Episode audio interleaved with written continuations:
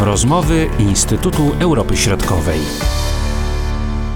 Witamy naszych słuchaczy w rozmowach Instytutu Europy Środkowej. Witam także Agatę Tatarenko. Dzień dobry. Dzień dobry, bardzo dziękuję za zaproszenie. W tym odcinku rozmawiamy o wyjątkowym pisarzu, wyjątkowym twórcy, który y, niedawno od nas odszedł. Chodzi o Milana Kunderę, czeskiego pisarza, który od lat y, mieszkał e, we Francji, który na swoim koncie ma znakomite powieści. Tą chyba najbardziej znaną, która najlepiej jest kojarzona, chyba także dlatego, że została sfilmowana, to nieznośna lekkość bytu. Jaką postacią był Milan Kundera i jakie znaczenie miał dla samych Czechów, ale także dla odbiorców jego twórczości, jego literatury w tym szerszym kontekście europejskim. Pierwsze słowo, jakie kojarzy mi się, gdy słyszę y, pytanie o to, jaką osobą był Kundera, to jest kontrowersja. Był na pewno postacią kontrowersyjną z punktu widzenia Czechów i chyba nie tylko, chyba też mieszkańców całej Europy Środkowej, e, był określany i teraz po jego śmierci dosyć często pojawia się to określenie nie tylko we francuskich mediach, e, gdzie, tak jak powiedziałeś, żył przez wiele lat swojego życia, ale także w czeskich, że był pisarzem czesko-francuskim. Po wyjeździe do Francji Kundera został pozbawiony czeskiego obywatelstwa i dosyć szybko zyskał obywatelstwo francuskie nadane mu przez ówczesnego prezydenta prezydenta e, Mitterranda, ma z pewnością ogromne znaczenie i dla Czechów, i dla Francuzów. E, właściwie obydwaj prezydenci tych państw po jego śmierci e, powiedzieli, że w jego twórczości mm, była odbita historia XX wieku, XX i XXI wieku. I z pewnością tak było. To znaczy, nawet jeśli sięgniemy do jego powieści Żart, która jest oparta na takim, na takim doświadczeniu osobistym wyrzucenia z partii właśnie poprzez żart. Zresztą Kundera bardzo dużo pisał o poczuciu humoru. Pisał, że jedyną rzeczą, którą odróżnia nas od zwierząt, to jest właśnie poczucie humoru. Natomiast wracając do, do sedna, do Twojego pytania, E, to właśnie z pewnością jego twórczość zapisała się jako taki obraz rzeczywistości. I mam na myśli tutaj nie tylko powieści, ale także eseje, które pisał i które były bardzo słynne. Słynny tekst e, o Europie Środkowej, czyli Zachodzie Porwanym albo Zachodzie Porwanym, ale też e, jedna z ostatnich publikacji, Zdradzone Testamenty.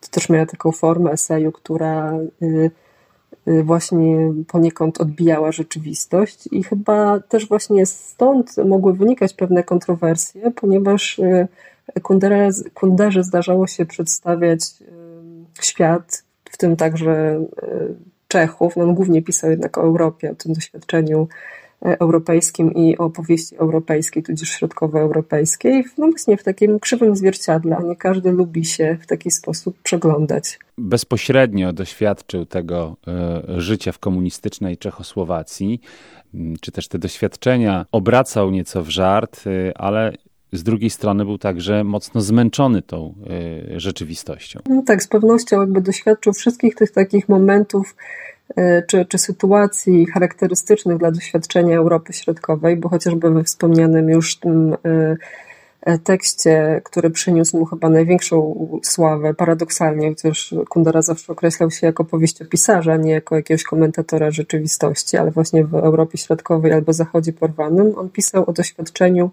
małych narodów, których istnienie jest zagrożone. I faktycznie on sam tego jako Czech, właściwie może powinniśmy powiedzieć Morawianin, ponieważ e, Kundera był specjalnie przywiązany do, e, do Moraw i też jakby do Brna ostatnio przekazał część swojego archiwum. I e, właśnie on doświadczył z jednej strony tego, do, doświadczył doświadczenia komunizmu, był w partii komunistycznej, z której został wyrzucony, następnie uczestniczył w, tak, dwa razy, następnie uczestniczył w praskiej wiośnie, e, doświadczył też emigracji, czyli takiego, takiej sytuacji charakterystycznej nie tylko dla e, pisarzy czy, czy artystów, ale dla, dla wielu mieszkańców Europy Środkowej. Następnie musiał się odnaleźć w nowej sytuacji, na, na wygnaniu, tudzież tak jak prezydent Emmanuel Macron określił jako refuge, czyli takim powiedzmy schronieniu. I też zaczął tam pisać po francusku, czyli faktycznie jakby prze, no, bliskie, są, bliskie są mu doświadczenia powiedzmy takiego zwykłego e, mieszkańca Europy Środkowej, co on jakby zawarł w swoich publikacjach, w swoich powieściach. Jak oceniał te y, Czechy już po przełomie, po 89, po 90 roku i dlaczego do Czech nie wrócił, tylko zdecydował się na to, żeby zostać już do końca swoich dni we Francji? Wokół tego tematu jest szereg kontrowersji i szereg takich domyślań, ponieważ tak naprawdę trudno jest jasno określić, dlaczego tak się stało i jaki miał stosunek, ponieważ Kundera bardzo rzadko występował publicznie. On unikał spotkań z dziennikarzami, nawet unikał spotkań z osobami, które zajmowały się badawczo jego e, twórczością. Bardzo rzadko brał udział w jakichś wystąpieniach e, w uroczystościach publicznych, nawet które jego dotyczyły.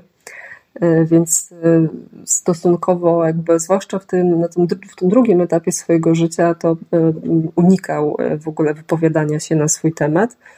E, jego ostatnią książką napisaną po czesku była właśnie Nieznośna lekkość bytu i potem zaczął pisać po francusku. I tutaj też wiele osób, wielu komentatorów twierdziło, że on odciął się od tej kultury, e, kultury czeskiej, że po prostu negatywnie oceniał to, co się działo w Czechosłowacji.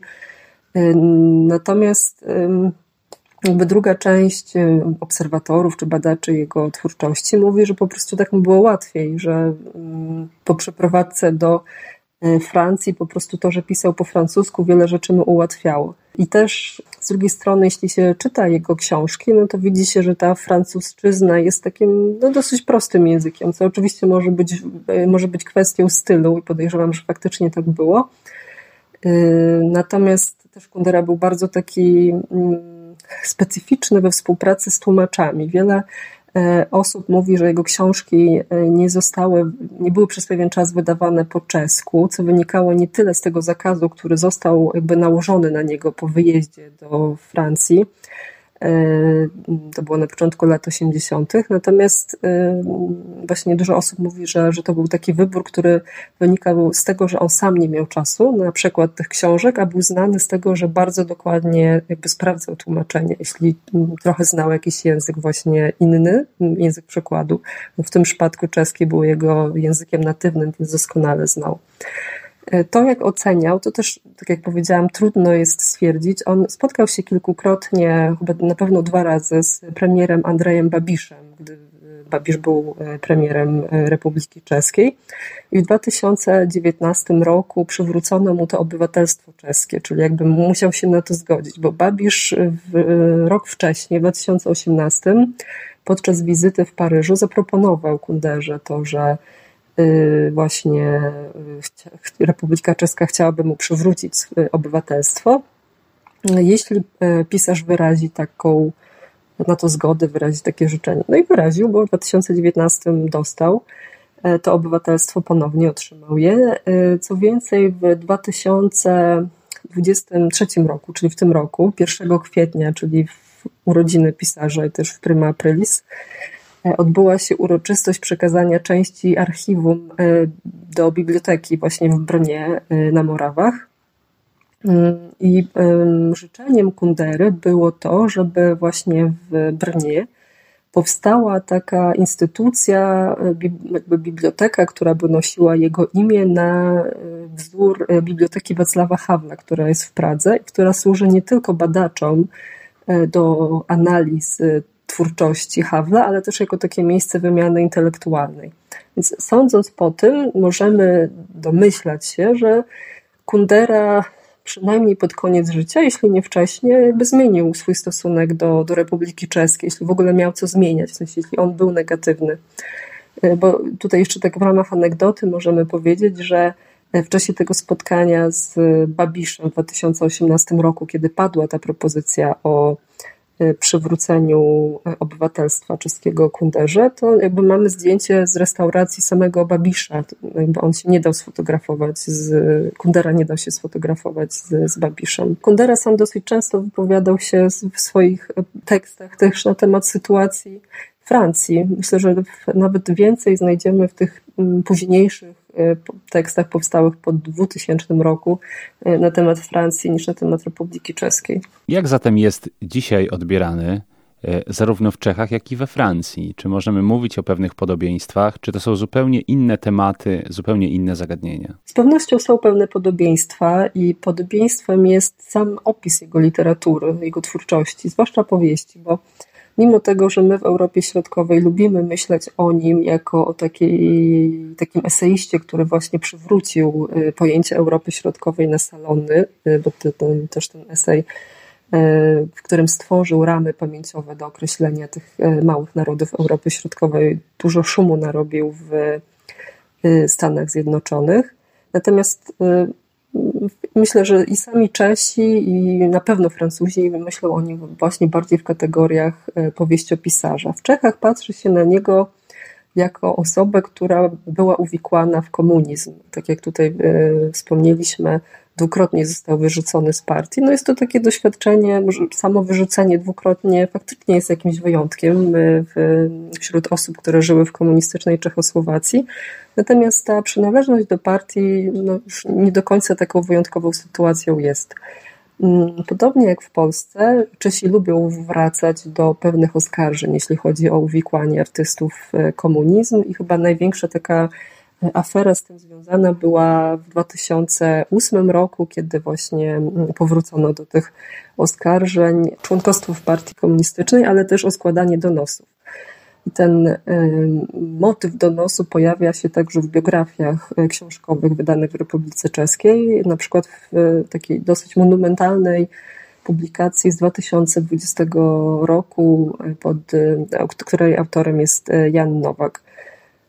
Francuzi piszą o nim jako o intelektualiście przede wszystkim, powieść o pisarzu bardzo cenionym. Często pojawiają się informacje, takie jakby trochę zarzuty w mediach, teraz też się pojawiało, dlaczego Kundera nigdy nie dostał Nagrody Nobla, bo jakby uważają, że na nią y, zasługuje. Y, więc y, wydaje mi się, że, że właśnie ta podstawowa różnica pomiędzy tymi jego dwiema ojczyznami był, był fakt, jest fakt tego przynależności do partii komunistycznej. Francuzi tego raczej nie wypominają. Natomiast w obu państwach Kundera pojawia się ostatnio w kontekście aneksji Krymu i pełnoskalowej inwazji na y, Rosji na Ukrainę. Y, właściwie został na nowo odkryty we Francji, w krajach Zachodu. Zwraca się uwagę, że, że właśnie Ukraina, choć nie jest małym krajem w sensie terytorialnym, to ma takie małe, wpisuje się w los tych małych narodów. I tu co ciekawe, Kundera został ten tekst o Europie Środkowej, został ponownie opublikowany w wielu czasopismach i zyskał też nowe tłumaczenie, na przykład został przetłumaczony na koreański ostatnio, w kontekście właśnie aneksji i pełnoskalowej inwazji Rosji na Ukrainę. Co znajdziemy w tych książkach? Co odbiorcy mogą znaleźć w tych książkach, którzy wcześniej nie mieli do czynienia właśnie z tą literaturą? Poleciłabym oczywiście wszystkim, nie tylko fanom e, literatury środkowoeuropejskiej, e, nie tylko fanom e, powieści, Kundera ma świetny warsztat, te jego książki bardzo dobrze się czyta. Język jest prosty, ale taki plastyczny i dosadny. I z pewnością mm, myślę, że w, mm, wśród wielu autorów, którzy piszą i wydają książki obecnie, Kundera wyróżniał się właśnie tym, że y, pochylał się nad doświadczeniem człowieka uwikłanego w historię. I wydaje mi się, że to jest takie szczególne w jego powieściach. Y, natomiast też potrafił z taką dużą dozą dosadności i ze zrozumieniem pokazać po prostu człowieka w różnych relacjach. Już pomijając te wątki historyczne tego, jak się rzeczywistość odbija w jego, w jego publikacjach, to też był takim mistrzem ukazywania relacji międzyludzkich. Bardzo dziękuję Agato za tę opinię i za twoje prywatne spostrzeżenia dotyczące Milana Kundery. Dziękuję. Były to rozmowy Instytutu Europy Środkowej.